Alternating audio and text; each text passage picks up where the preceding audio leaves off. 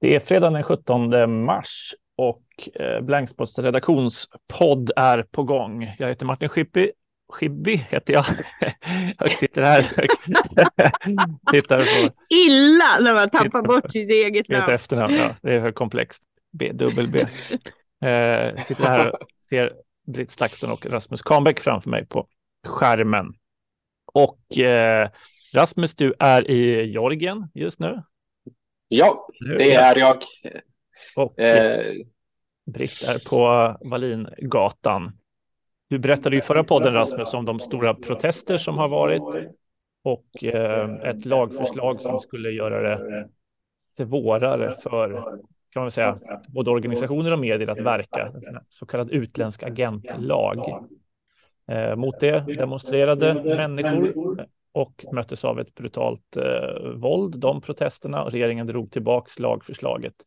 Men hur är situationen nu? Ja, eh, nu ekade det lite i din bakgrund, men jag hoppas att det inte störde för mycket eh, för lyssnarna. Eh, nej, men det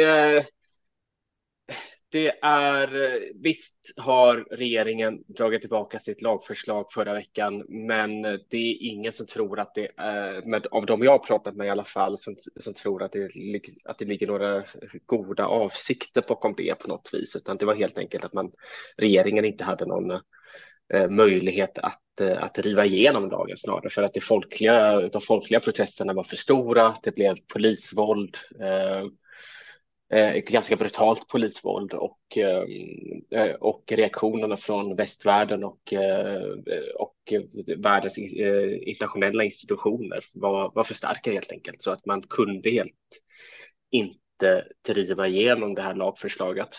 Det har varit en, jag ska säga så här att det, jag, har ju, jag har ju rest i Georgien sedan 2016 och jag har sagt det till flera personer här att när jag kom hit 2016 så så intervjuade jag en person som eh, jobbade med, eh, med kvinnors rättigheter och, eh, och våld i hemmet mot, mot kvinnor.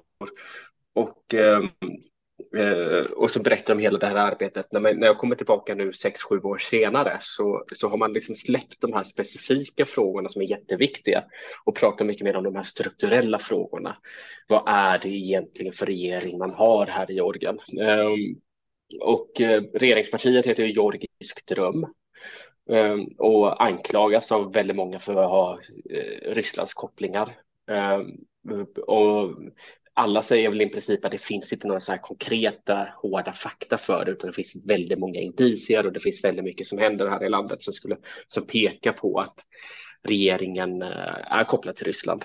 Ehm, så att det är, eh, det, det är det är verkligen ett land som är i, en, i någon form av eh, ja, på fall, demokratiskt fall kan man väl kalla det, men sen samtidigt har man, man har liksom två stycken parallella processer på något vis. Alltså den ena processen handlar om att Georgien har gjort allt rätt under många år för att närma sig EU.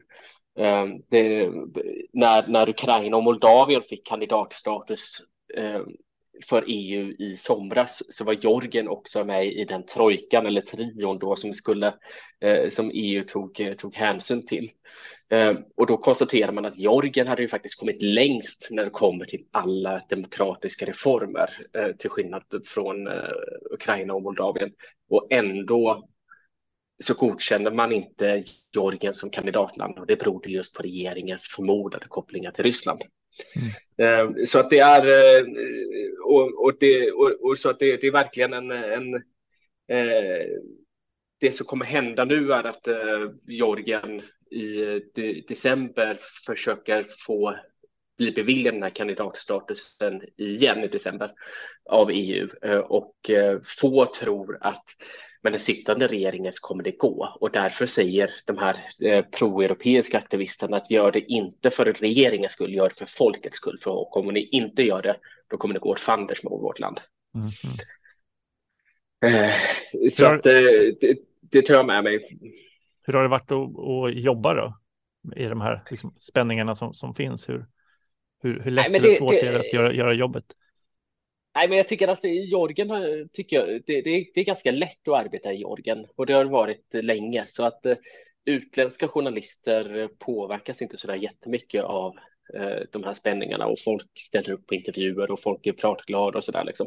Mm. Eh, däremot vad jag gjorde igår var att träffa eh, Daria, eh, nu kommer jag inte ihåg hennes efternamn, eh, bara för det, Daria som jag intervjuade i över länk när hon var i Sankt Petersburg för två år sedan, en, en mm. ryska som, är, som var en av de fem första som blev eh, stämplade som eh, utländska agenter som individer i Ryssland. Det var, det var ett skifte som då skedde i Ryssland för två år sedan där man gick ifrån att bara stämpla organisationer som utländska agenter fast med, utan man gick över till att också börja stämpla individer. Mm. Vad jag inte visste var att hon kort efter den intervjun flyttade till Georgien. Eh, för det var helt omöjligt att leva i Ryssland som utländsk eller som stämplad som utländsk agent helt enkelt. Mm. Um, hon säger nu att uh, Ja, men delvis har det ju hänt väldigt mycket med kriget i Ukraina och så vidare och det är många ryssar som faktiskt har flyttat till Georgien. Men, men delvis säger hon också att, eh, att hon ser alla symptom som hon uttryckte det. Hon, hon använder verkligen ordet symptom på att, eh, på att eh, den georgiska regeringen gör samma saker som den ryska regeringen gjorde för 15-20 år sedan. Mm. Eh, så att hon, hon var, det var väl ingen jättepositiv intervju med henne och hon fortsätter att kämpa på liksom, eh, med sin familj eh, när hon bor här i Georgien och hon undervisar i, i ryska för engelska studenter som kommer hit och vill lära sig ryska. Mm. Vad känner hon igen då från, jag tänkte när du intervjuade henne 2021 så, så berättade hon ju att hon måste inleda alla sina inlägg i sociala medier, tidningar, publikationer med den här texten. Detta meddelande skapas av en utländsk eh, massmedium som utför funktioner för en utländsk agent i versaler. Eh, och eh, det här också att detta meddelande liksom distribueras av ett utländskt massmedium. Eh, vad, vad, vad ser hon för likheter och skillnader när liksom den här lagen presenterades i men... Ryssland och det som händer nu i Georgien. Det är rätt, ja. Ja, men, men det, det, den ena delen är att hon faktiskt hon, hon, fortsätter faktiskt att skicka in sina revisionsrapporter till ryska myndigheter, vilket hon gör fyra gånger per år. Men ja. hon har gjort konstverk av det, vilket är ganska ja. häftigt. Jag lägga ut dem ja. eh, när vi publicerar avsnittet. Så kan vi länka till hennes Instagram. Eh, mm. Så att hon skickar in, det, skickar, skickar in dem till Ryssland. Eh, eh, eh och haft utställningar i Finland bland annat med de här.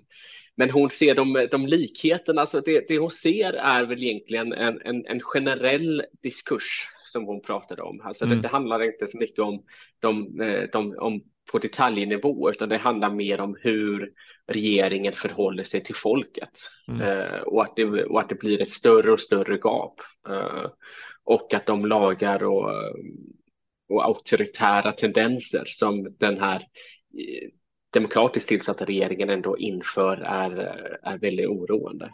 Mm. Uh, och själva lagen i sig, den, är, den bygger ju på den ryska agentlagen mm. uh, och uh, riktad mot organisationer, vilket innebär att om man får mer än 20 procent av sin finansiering eh, utomlands ifrån så, så måste man eh, registrera sig som en utländsk agent och då måste man lägga in de här texterna, den texten som du läste upp helt mm, enkelt. Mm, mm. Ja, spännande. Eh, ja, vad... så intervju med ja. henne kommer nu på, ja. kommer här i helgen i alla fall. Ja. Sen är man ju nyfiken när, när du är där och så nära liksom, Ryssland och jag antar att människor också fortsatt, fortsatt att fly från Ryssland. Eh, mm. vad,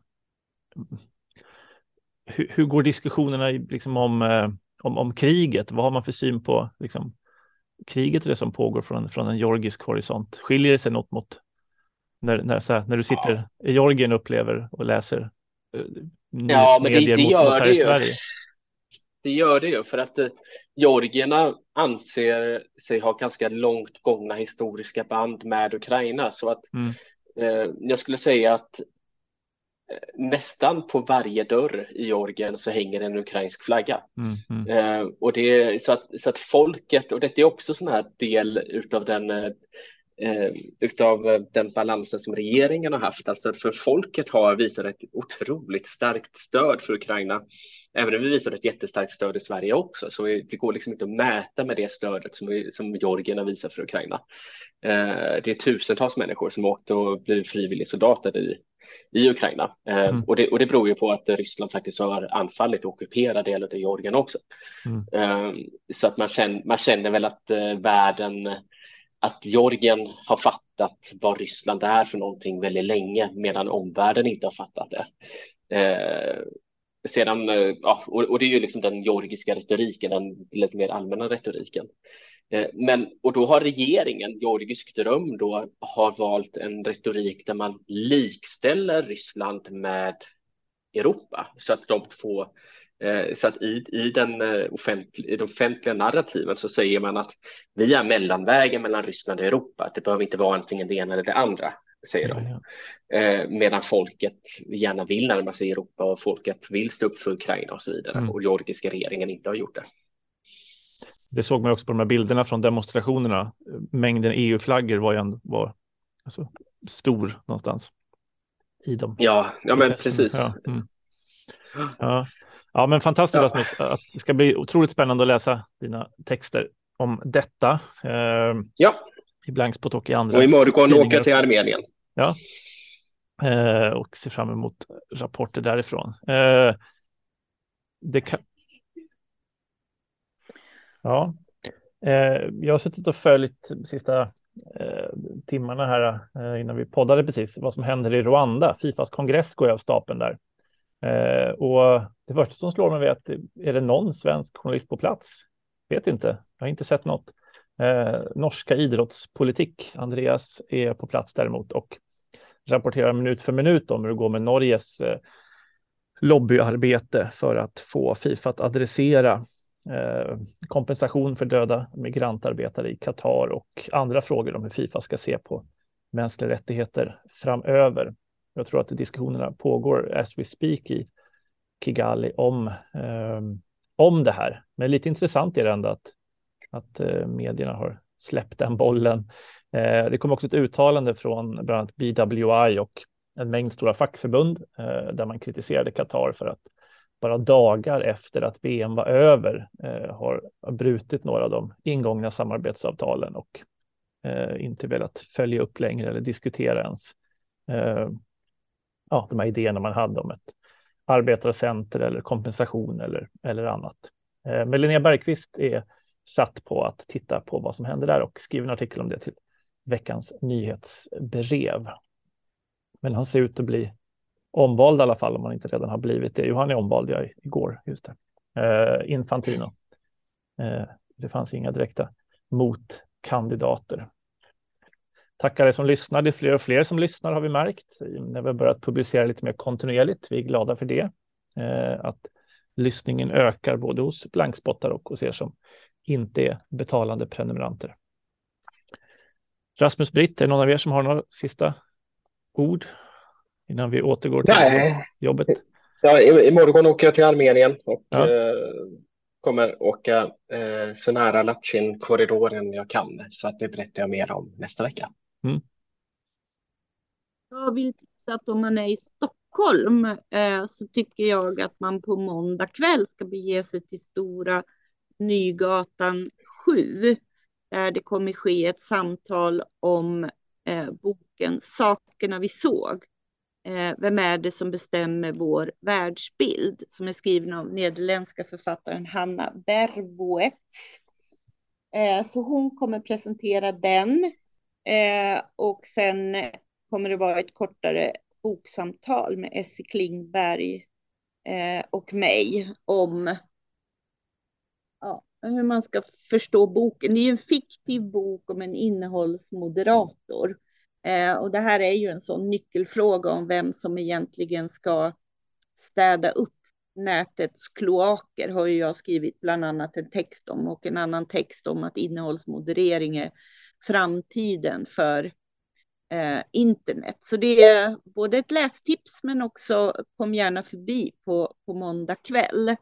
Eh, och det hänger ju lite ihop. I veckan har jag haft en sån säkerhetsworkshop eller samtal om, om eh, TikTok. Och det, det, landar ju ändå i att min, eh, jag får ju alltid frågan om om det kommer bli en TikTok-ban i USA. Eh, jag, jag, tror ju inte att det kommer bli det för att man inte väljer den vägen. För då, eller jag tycker att vi ska lyfta frågan om att det där är ju ingen väg som vi egentligen vill. Då agerar man ju precis som Kina Eh, som ju har sin kinesiska brandvägg och har sin egen eh, TikTok-version eller ursprungsversionen till TikTok eh, eh, och eh, som förbjuder alla andra plattformar. Eh, så man kommer nog hitta en annan lösning. Eh, men eh, den här intrikata frågan om att man sätter människor och gör ett jobb som man också får posttraumatisk stress av att se de allra, allra värsta sidorna av mänskligheten. Det är ju ett dagligt jobb som vi nästan inte tänker på görs, inte bara av liksom AI. I slutändan är det så mycket som måste avgöras av enskilda individer och vad det gör eh, med människor och som kanske också ofta sköts av människor som i sin vardag i övrigt inte har ett väldigt aktivt eh, eh eller ett demokratiskt eh, styre i, i det land man verkar eller så. Det här är ju sånt som kan läggas ut på tredjepartsleverantörer i olika regioner i världen och att då få den här inblicken i människans värsta, värsta sidor utan att ha ett rikt liv där du kan gå på ett kulturellt samtal en måndag kväll och diskutera det lite filosofiskt. Vad gör det med mänskligheten över tid? ja, lite eh, helgfilosofi. Från mig. Ja, men super. Det mår vi alla bra av. Det mår vi alla bra av. Ja. Med det sagt så tack till er som lyssnar och eh, ses i spalterna i mobilen och era inboxar framöver. Hej då. Tack så mycket. Hej, hej.